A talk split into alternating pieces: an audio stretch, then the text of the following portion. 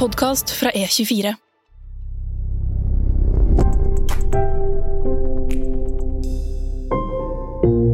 Ukens gjest startet karrieren på rullebanen og kom seg opp i lufta før hun ble tillitsvalgt på heltid.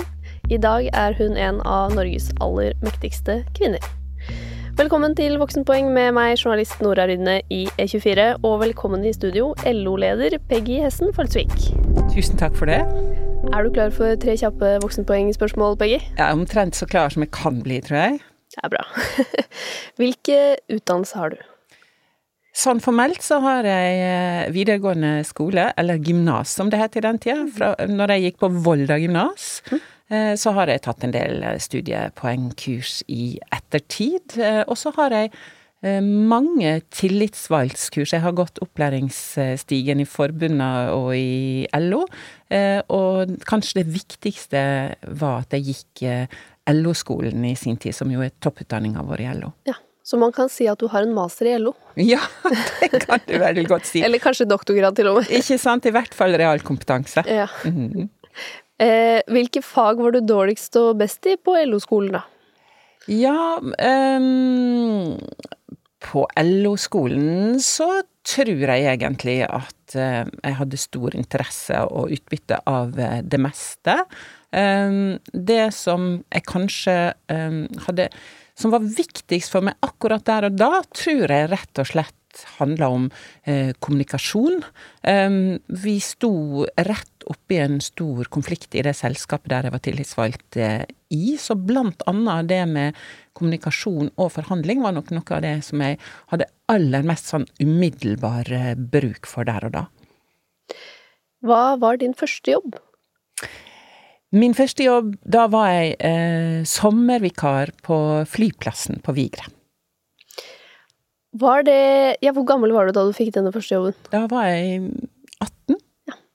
Tenkte du da at det var liksom luftfart som skulle bli karrieren din?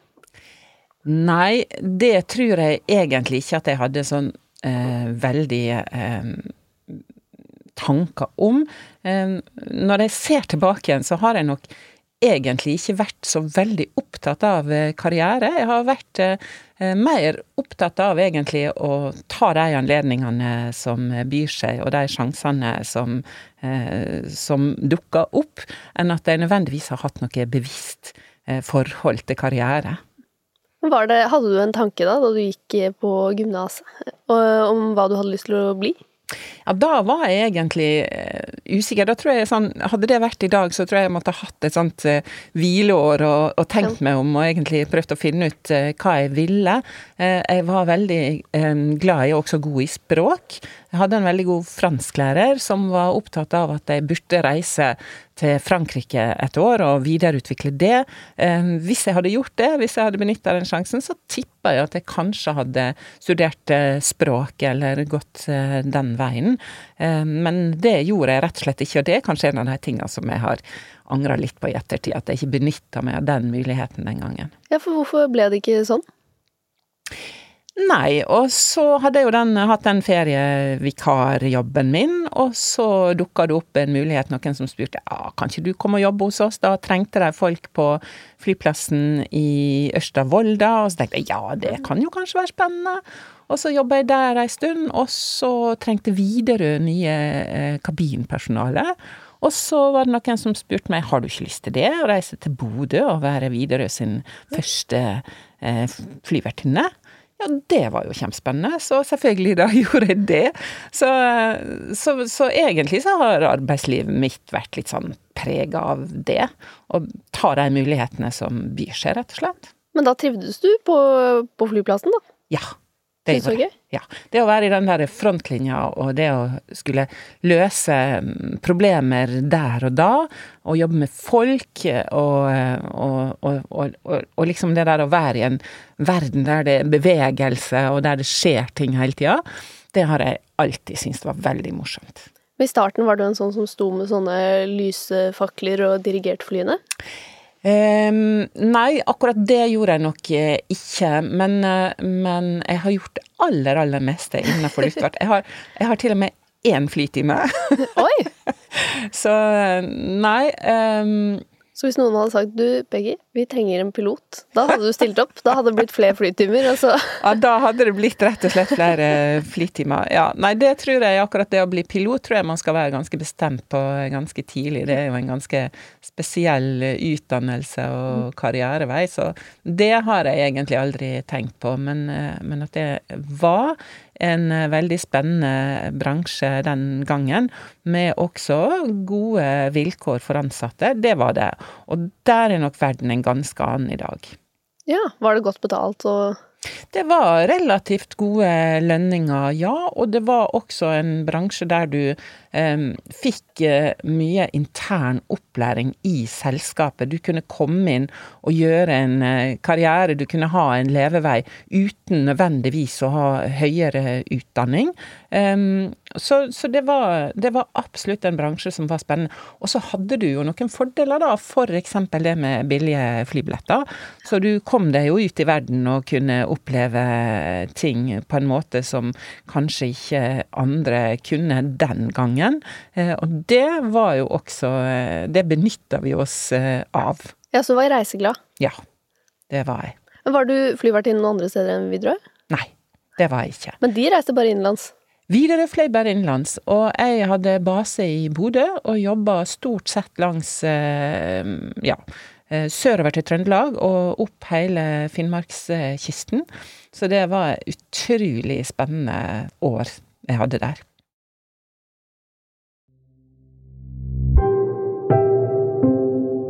Du kom deg utenlands, eh, ikke til Frankrike, da, men til slutt et annet europeisk land? Ja, jeg flytta Når jeg traff mannen min, eh, så jobba han i utlandet, så vi flytta til Nederland.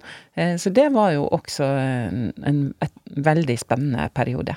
Men da var du ikke flyvertinne? Nei, du veit, det her er jo så lenge siden at dette var før EØS-avtalen sin tid. Så det å kunne jobbe i Nederland den gangen, det var jo ikke bare enkelt når du kom ifra eh, Norge.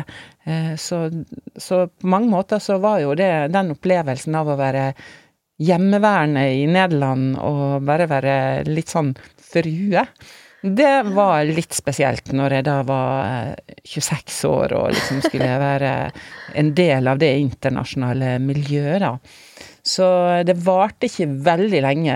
Tålmodigheten min strakk nok ikke til å utnytte det um, på en måte. Så, så, det holdt eh, et drøyt år.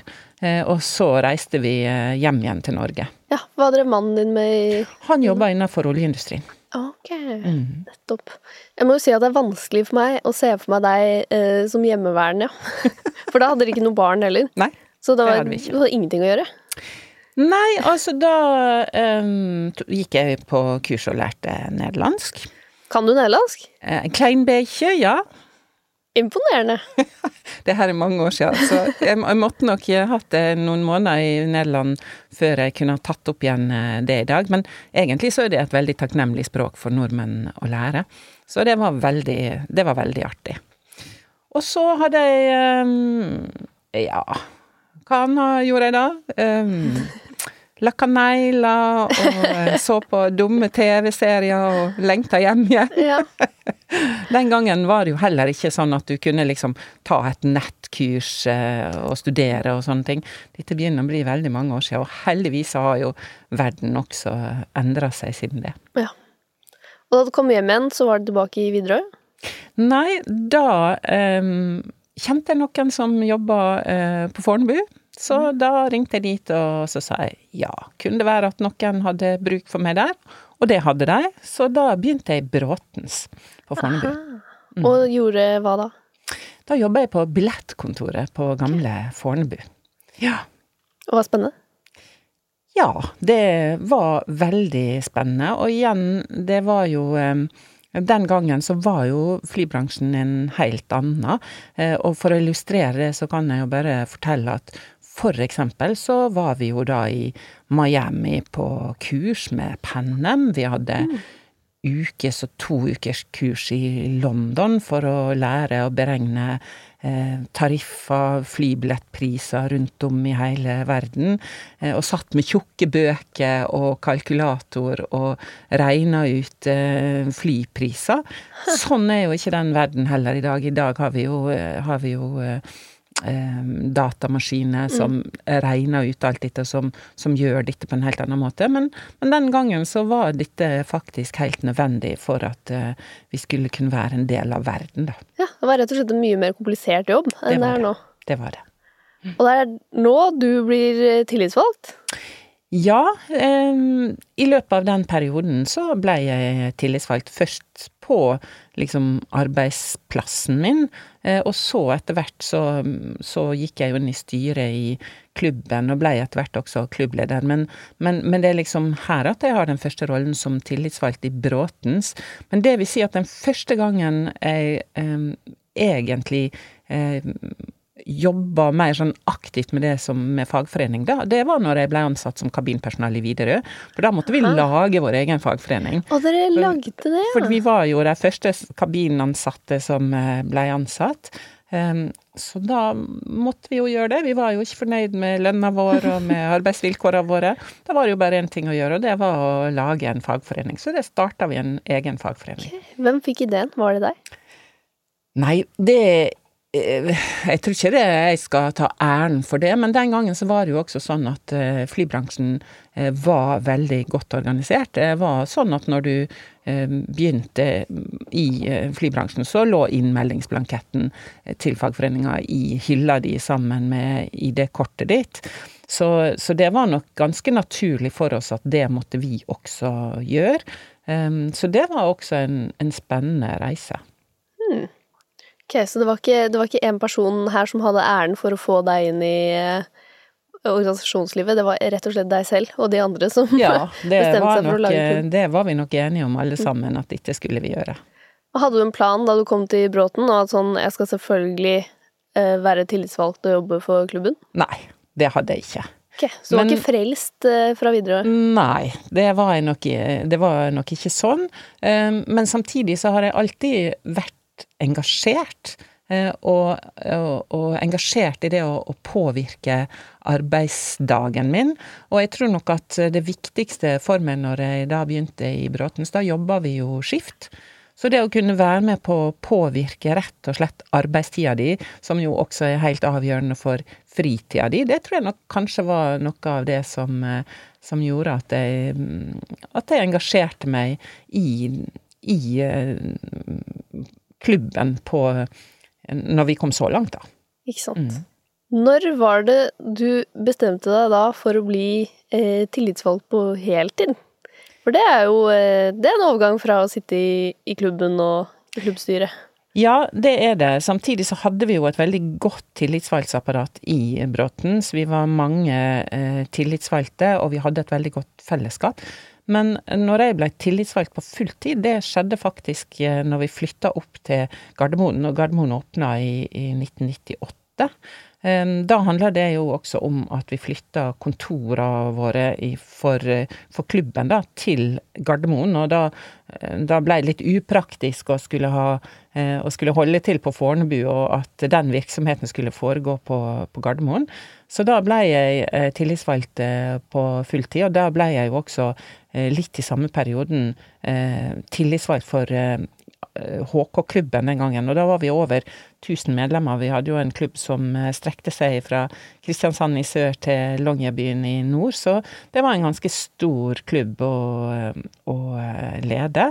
Og vi var jo også flere tillitsvalgte. Det er jo ikke en én kvinnes jobb, det er jo et styre og flere tillitsvalgte som, som, som tar den oppgaven sammen.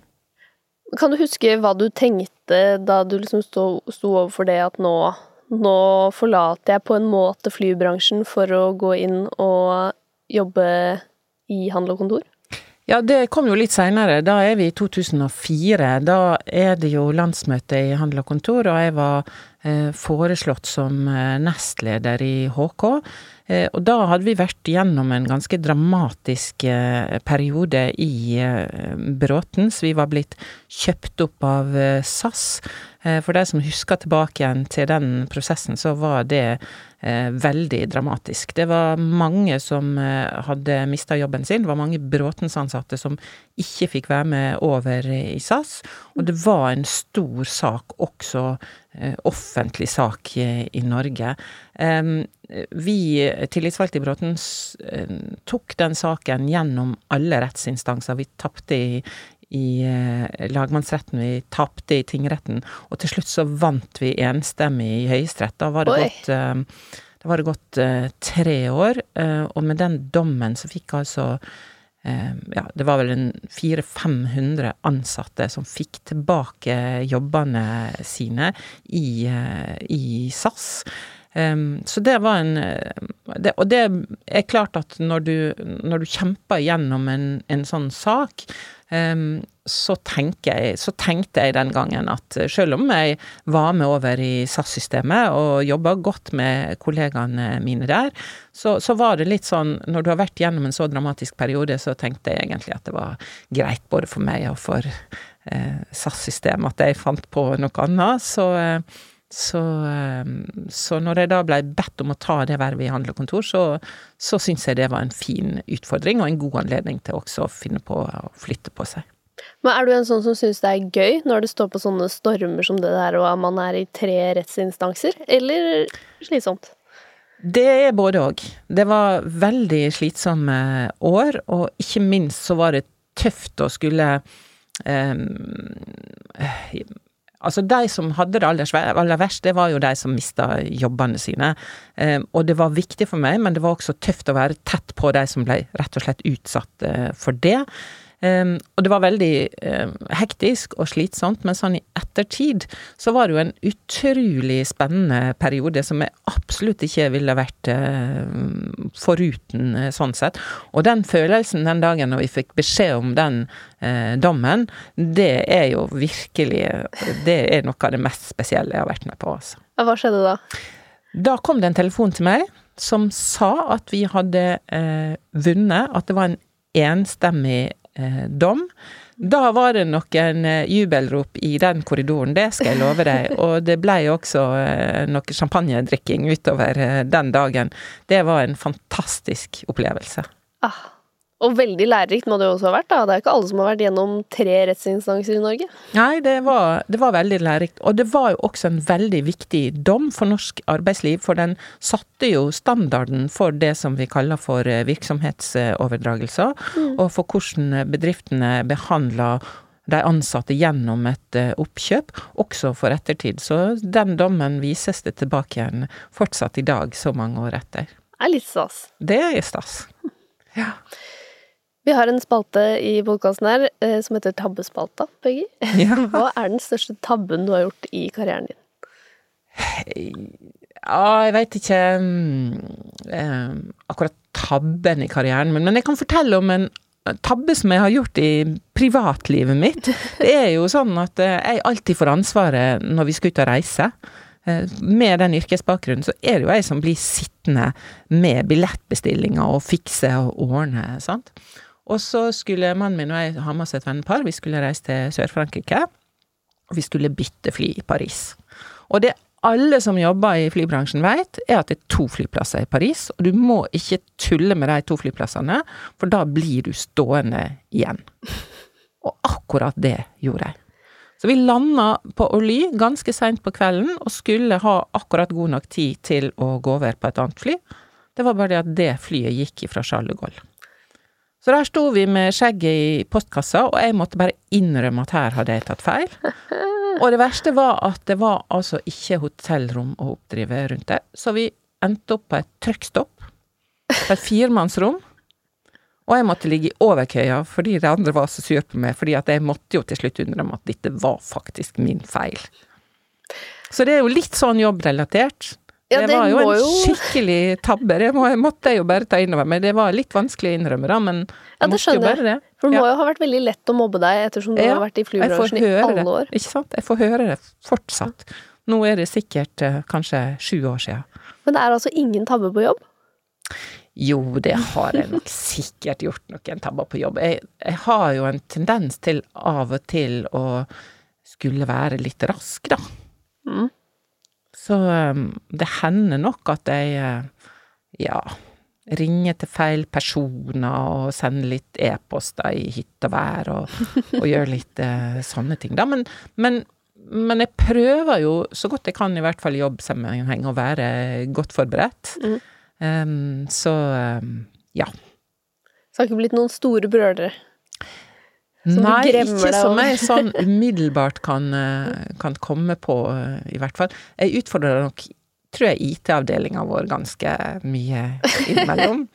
Ja, ok, Er det sånn at du holder på å sende penger til nigerianske prinser og sånn, Ja, nei, det tror jeg kanskje ikke jeg har gjort, men jeg er ganske Jeg har lite tålmodighet med ting som ikke virker, skjermer som ikke kommer på når de skal, eh, og jeg burde jo kanskje sette meg ned og prøve litt sjøl, blant annet den der eh, på-av-knappen.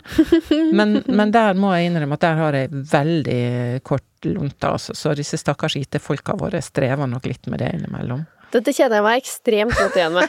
Altså Det er veldig kjedelig når ting ikke funker. Ikke sant? Eh, så ja, det, det får IT-avdelingen med kanskje. Ja.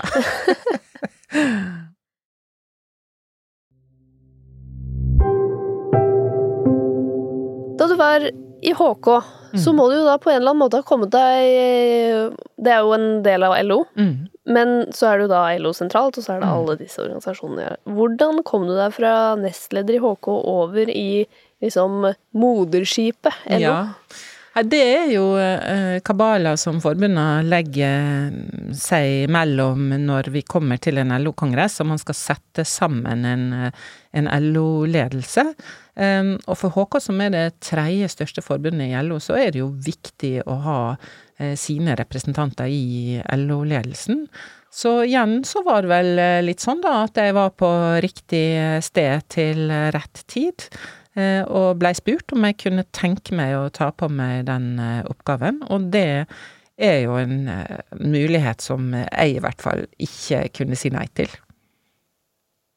Og da ble du valgt. Som først inn som hva da? Ja, ble, da ble jeg valgt inn til eh, i LOs ledelse, som er det som den posisjonen som vi kaller førstesekretær, som er sikkert litt vanskelig å forstå, men da er du nummer fire i uh, hierarkiet. Du er egentlig nummer fire i, uh, i LO-ledelsen. Nettopp. Mm. Og så brukte du hvor mange år på å komme deg helt opp til nestleder? Når, eh, en kongressperiode hos oss er jo fire år. Ja. Eh, Så det er jo et verv som du har i fire år, og når vi kom til kongressen i 2017, så ble jeg valgt som nestleder. Så hvordan klatrer man seg oppover i LO? Er det masse Altså, man har jo hørt mye om LO. Ja. Dere har vært ganske synlige, det har vært store arbeidskonflikter, og det har vært bråk i ledelsen, og er det liksom så Er det sånne maktkamper hele tiden? At dere kniver på bakrommet og Nei, altså? Jeg tenker at det handler om å gjøre en god jobb. En Ja. god jobb som forbundet og, og medlemmene våre er fornøyd med. Du blir jo valgt inn i en rolle, um, og, og det å ha et tillitsverv er jo annerledes, tenker jeg, enn det å um, det å ha en, en lederposisjon i næringslivet. Vi, vi diskuterer jo det en del eh, hos oss også i ledelsen, altså den her forståelsen av at um, i LO-ledelsen så er vi eh, ja, vi kan være sju eller kan, vi kan være åtte personer, men, men forskjellen fra næringslivet er jo at en LO-leder velger jo ikke de andre personene i ledelsen, de blir jo sammensatt. De blir jo valgt inn av Kongressen. Det er jo en valgkomité som setter dem sammen. Og heller fordi man har ulike interesser, at man skal representere ulike interesser. Og så er du jo på en måte litt sånn dømt til at eh, du jobber da sammen i denne kongressperioden. Um, Jeg som LO-leder kan ikke si at vet du hva, jeg syns ikke nødvendigvis at du gjør det som jeg hadde tenkt at du skulle gjøre, så du må finne deg noe annet å gjøre. Vi må rett og slett bygge team ut ifra de forutsetningene som Ja. vi da har med oss eh, inn. Um, og det, heldigvis så har jeg veldig gode eh, kollegaer i LO-ledelsen, men, men det, er en, det er en liten sånn utfordring, tenker jeg, som skiller organisasjonslivet ifra, eh, ifra næringslivet, da. Som blir en ekstra dimensjon som vi også må ha med oss. Ja, Så dette er forklaringen på at det har vært mye kniving, ja? Det kan være en av grunnene, og, og så er det jo ikke heller til å legge skjul på at det er, det er jo sterke personligheter. Eh, som eh, også når du, når du, kommer inn på dette nivået, så, så har du ikke gjemt deg i en krok gjennom, eh, gjennom et langt liv. Så, så, så, det er det også. Men det setter jeg stor pris på. Mm. Jeg liker når det er dynamikk. Jeg liker jeg liker åpne diskusjoner. Jeg tenker det at vi ikke tenker likt om ting, er en, det er en måte å skape gode resultat på. Så, så, så, lenge du er bevisst på det, og det har vi brukt litt tid på i ledelsen hos oss, å gjøre hverandre bevisst på akkurat um, disse tinga, da. Så dere må jo må i parterapi innimellom? parterapi på sju. ja. ja. Mm. Det, men kan jo være, ja, som du sier, mye positivt ut av det. Man har jo hatt det som problem i næringslivet at eh, ledere velger folk som er veldig like seg selv. Ikke sant? Og så kommer man kanskje ikke så langt med det. Ja, og det tenker jeg er viktig for oss også. Husk på det at vi har altså nesten en million eh, medlemmer. Vi har 26 forbund. Um, fra Fagforbundet, som er de største på over 300 000, og til jeg lurer på om det er Forfatterforbundet som er det minste. De har navnene til alle medlemmene sine på hjemmesida si omtrent. Så det der spriket, og det at vi dekker både privat og offentlig sektor, gjør jo også at vi eh, representerer veldig bredt. Og vi må finne løsninger som også representerer den bredden. Um, så det er jo også det som, som, både gjør det komplisert, men også som, som gjør dette så spennende. Ja, og så er det jo så mye makt som ligger i de rollene der, da. Så jeg kan jo skjønne at det blir eh, kan være utfordrende. Ja, samtidig så er ikke Altså, jeg har ikke makt i kraft av å være meg, jeg har makt i kraft av å representere nesten en million eh, medlemmer. Eh, så den dagen jeg ikke representerer medlemmene mine, og ikke ikke bringe til torgs eh, deres sine eh, meninger og holdninger og krav, så har jeg heller ikke makt. Så, så, det er også veldig viktig å alltid huske på, da. Mm. Ikke bli mm. stormannsgal. Ja, nei, det syns jeg, det syns jeg passer seg dårlig i en sånn rolle. Det tror jeg ikke gir gode resultat. Hadde du tenkt å bli LO-leder? Aldri. Du hadde ikke det? Ville nei. du ikke egentlig? Du, um, jeg hadde jo en avtale, er jo Hans Christian som mm. Gabrielsen, som dessverre døde i fjor, eh, hadde jo snakka mye om eh, dette. Um, og vår plan var jo at han skulle fortsette som LO-leder, og så skulle jeg, hvis eh, det var mulighet for det, fortsette i en periode til som nestleder. Um, så det var den planen vi hadde. Og så gikk det jo ikke slik. Nei. Nei. Hvordan var det Altså, du det var jo litt harmoni i ledelsen der. Du var god venn med Hans Christian Gabrielsen, så vidt jeg har skjønt? Ja, vi samarbeider veldig godt. Vi samarbeider veldig tett, og kanskje spesielt eh, det siste året når eh, vi måtte håndtere koronakrisa og alle utfordringene som, som det ga oss, så samarbeider vi veldig tett. Så ja, vi hadde, vi hadde vi, jeg, jeg, jeg, tror ikke jeg vil si at vi var venner sånn. Vi, vi traff ikke hverandre privat. Vi har ikke, ikke den type forhold vi hadde. Men, men vi hadde et veldig, veldig tett forhold eh, i jobbsammenheng. Mm. Hvordan føltes det da å miste en så nær kollega, og så plutselig da rykke opp til å bli eh, en av Norges aller mektigste personer? Det tror jeg er det tror jeg er en situasjon som man aldri eh, kan forberede seg på. Det var jo et stort sjokk for oss alle sammen, både organisasjonen vår, som som, eh, som, som opplevde dette også i en situasjon der alle satt på hjemmekontor, ikke sant, og, mm. og vi som kolleger heller ikke kunne, eh, kunne være sammen. Eh, men også det rent sånn personlig, det, det sjokket som det var. Men, men også det å, å eh, ifra første stund eh, håndtere det. Det var, det var, en utfordring. Men samtidig så er det jo sånn at når du er i den situasjonen, så er i hvert fall jeg skrudd sammen sånn at da gjør du det som eh, må til, og det er jo det som berger deg gjennom også ofte, tenker jeg da, at du har konkrete arbeidsoppgaver som du bare veit at dette, dette må gjennomføres.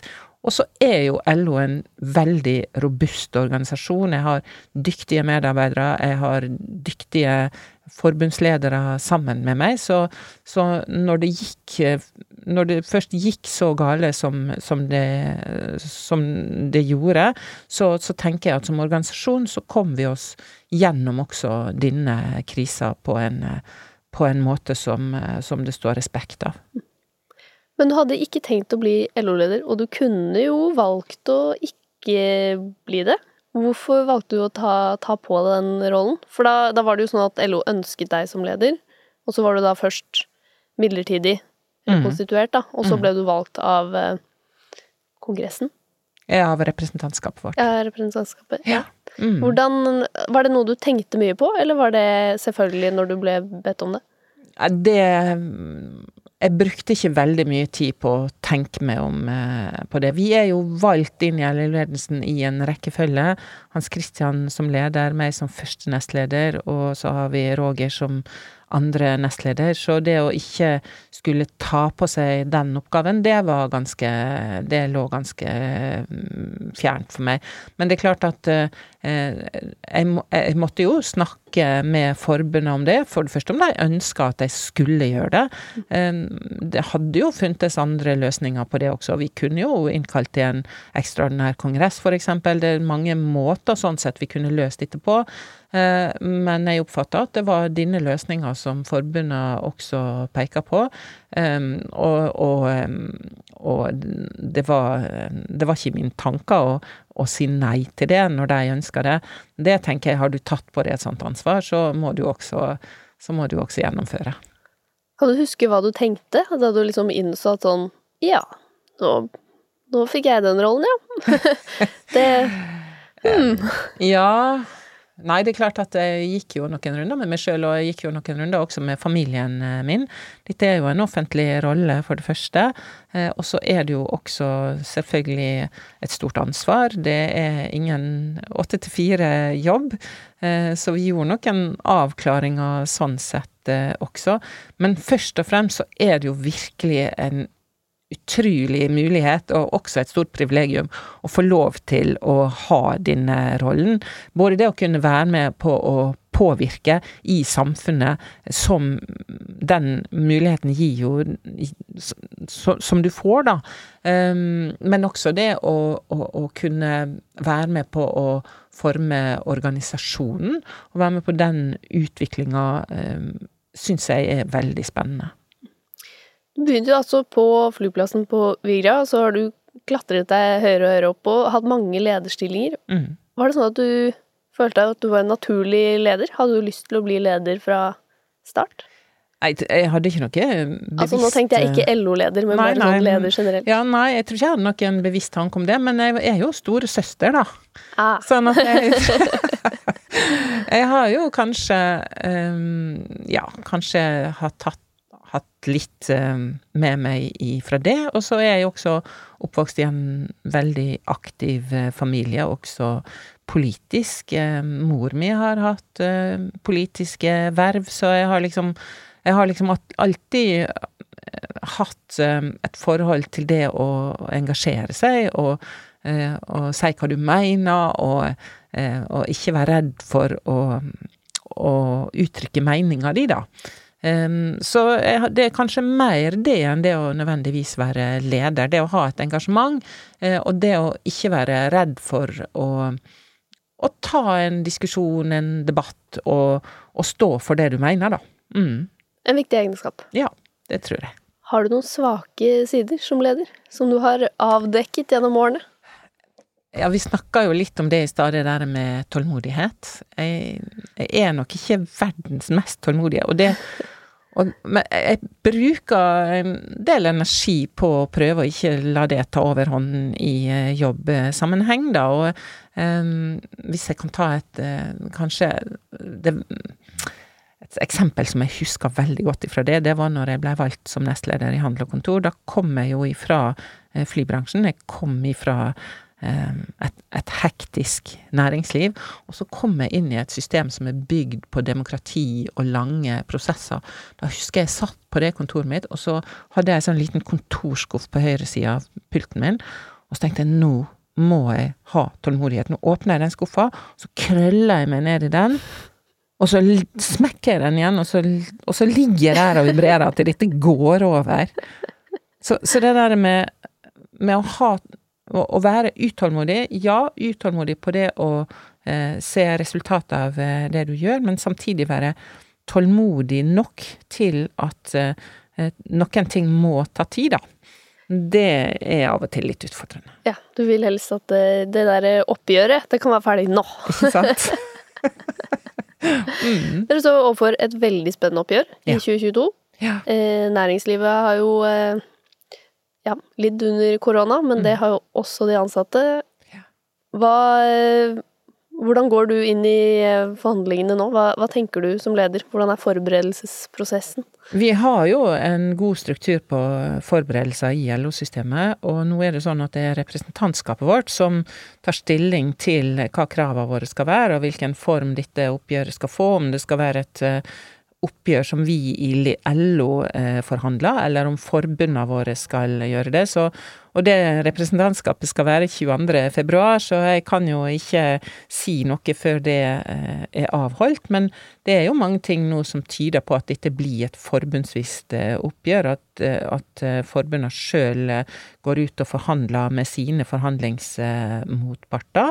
Eh, men vi, har, eh, men vi har gode forberedelser i LO-systemet. Forbundene våre snakker sammen, samordner seg og jobber tett nå opp mot eh, oppgjøret. Så, så de forberedelsene er vi godt på vei i. Og så er det jo sånn, det er jo ikke bare det er, jo, det er jo mange bedrifter som har fått utfordringer med, med denne koronasituasjonen. Samtidig så ser vi jo at store deler av næringslivet vårt har, vårt har gått veldig bra. Sånn at det som jeg tenker er den største utfordringa kanskje nå inn i dette oppgjøret, det er jo å håndtere rett og slett de forskjellene. Mm. At eh, noen eh, har slitt veldig, mens andre har gått veldig bra. Og i de bedriftene det har gått veldig bra, så forventer vi jo også at arbeidstakerne skal ha sin del av, eh, av den kaka. Så det å balansere det tror jeg kanskje blir den største utfordringa eh, i dette oppgjøret.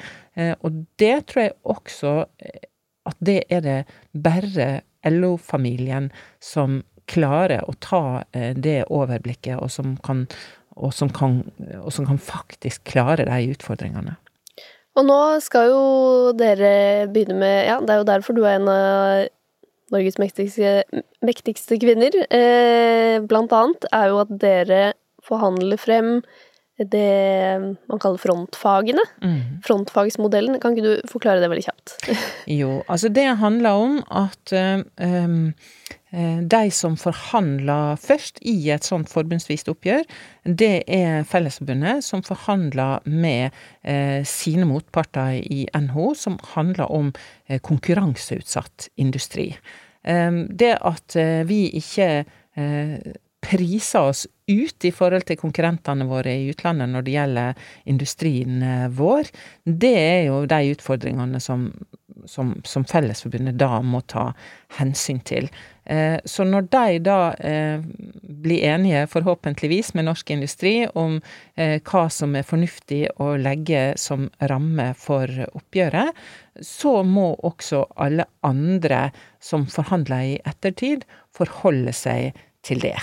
Eh, det er det vi kaller for frontfaget, og det er den modellen som eh, har gjort at vi har et eh, vi har et arbeidsliv i Norge. Vi har et høykompetent arbeidsliv. Vi har høye lønninger. Vi har mindre forskjeller, fordi at vi på den måten også drar med oss de som ikke har tjent godt. Når de i industrien forhandler fram et tillegg for sine, når vi har frontfagsmodellen, så betyr det også at faktisk de eh, som jobber i de bedriftene som har eh, hatt eh, mindre eh, inntekter, også får det samme. Det vil si at vi løfter de som tjener minst, enten de er i privat eller i offentlig sektor, tilsvarende det som vi gjør i det høykompetente eh, eh, arbeidslivet i industrien.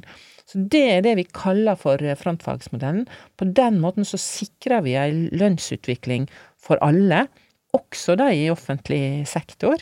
Og på den måten så sikrer vi også at vi har et høykompetent arbeidsliv, og at vi kan fortsette å konkurrere med utlandet, at industrien vår fortsatt kan finansiere offentlig sektor.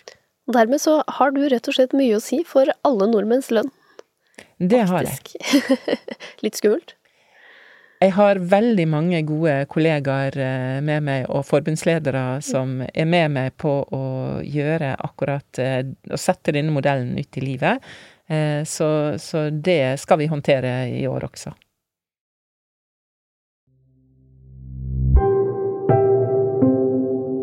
Du sitter jo da Du har sittet og sitter mye ved forhandlingsbord. Har du mm. noe skikkelig bra forhandlingstriks? Ja, jeg vil vel si at det aller viktigste når du skal inn i forhandlinger, det er gode forberedelser. Eh, det å være godt forberedt, være eh, Ha tenkt gjennom hva som møter deg av utfordringer i en forhandling, det er kanskje det aller, aller viktigste. Um, og så må du ha med deg et godt team som du er godt eh, samsnakka med, sånn at du er trygg på teamet ditt som du skal, eh, som du skal eh, gjennomføre sammen med.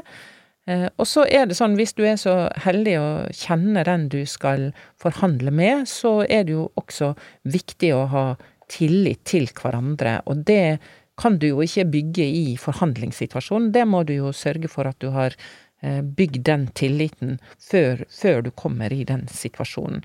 Sånn er det jo vi forhandler her i Norge med arbeidsgiverne, heldigvis. Vi kjenner hverandre godt, vi bygger tillit til hverandre når vi ikke er i forhandlingssituasjoner. Det betyr at eh, vi også kan ha respekt for hverandre når vi går inn i de tøffe forhandlingene som, som dette er. Um, så har vi et godt system i Norge um, der vi blant annet har en riksmekler. Så når vi ikke greier å bli enige på egen hånd, så har vi veldig kompetente folk hos Riksmekleren som kan, eh, som kan hjelpe oss til eh, å forhåpentligvis komme til enighet. Og så tenker jeg at eh, for meg som da forhandler tariffoppgjør, der alternativet, hvis du, hvis du ikke blir enig, er faktisk å, å ta folk ut i en streik, mm. så handler det også om å ha tenkt veldig godt gjennom, forberedt den konfliktsituasjonen, og ikke minst hvordan du eventuelt skal komme deg ut av en streik og en konflikt. Det å ha tenkt veldig nøye gjennom eh, den um, um, Også den situasjonen er, er, for meg veldig viktig. Ja, Så du har en plan A, B, C, D, E, F, G? Det må du ha. Du eh, skal være LO-leder litt til, men eh, har du noen planer? Skal du gjenvelges, eller skal du gjøre noe helt annet når perioden er over? Ja, nå er det sånn at jeg sitter jo egentlig et år på overtid, fordi at vi har utsatt eh, kongressen vår i et år. Ja. Vi kunne ikke gjennomføre den i fjor av korona, så vi skal ha, en, så vi skal ha kongress nå i månedsskiftet mai-juni. Eh, og så er det også sånn at eh, dagens regelverk i LO eh, tilsier at du ikke kan gjeldvelges når du er fylt 60. Og det fulgte jo jeg i fjor, så det er en del spørsmål som må avklares um, før jeg egentlig kan ta stilling til uh, om, uh, om, jeg skal fortsette eller ikke. Først og fremst så er det jo sånn at det er en valgkomité som må bestemme seg for om de ønsker at jeg skal fortsette. Og så må vi endre disse retningslinjene. Og så, hvis det er sånn at de ber meg om å fortsette, så skal jeg tenke gjennom å ta stilling til det. Det er litt utdatert, eller? Dagens 60-åringer, de er jo ganske spreke. Men det er jo ikke sånn at uh, jeg i så fall slutter å jobbe. Jeg skal Nei. jo fortsatt uh, jobbe for LO, men da selvfølgelig i en annen, en annen posisjon. Uh, og så er dette opp til Kongressen om det er sånn at de tenker at vi skal fjerne den, det regelverket. Det handler jo ikke om meg.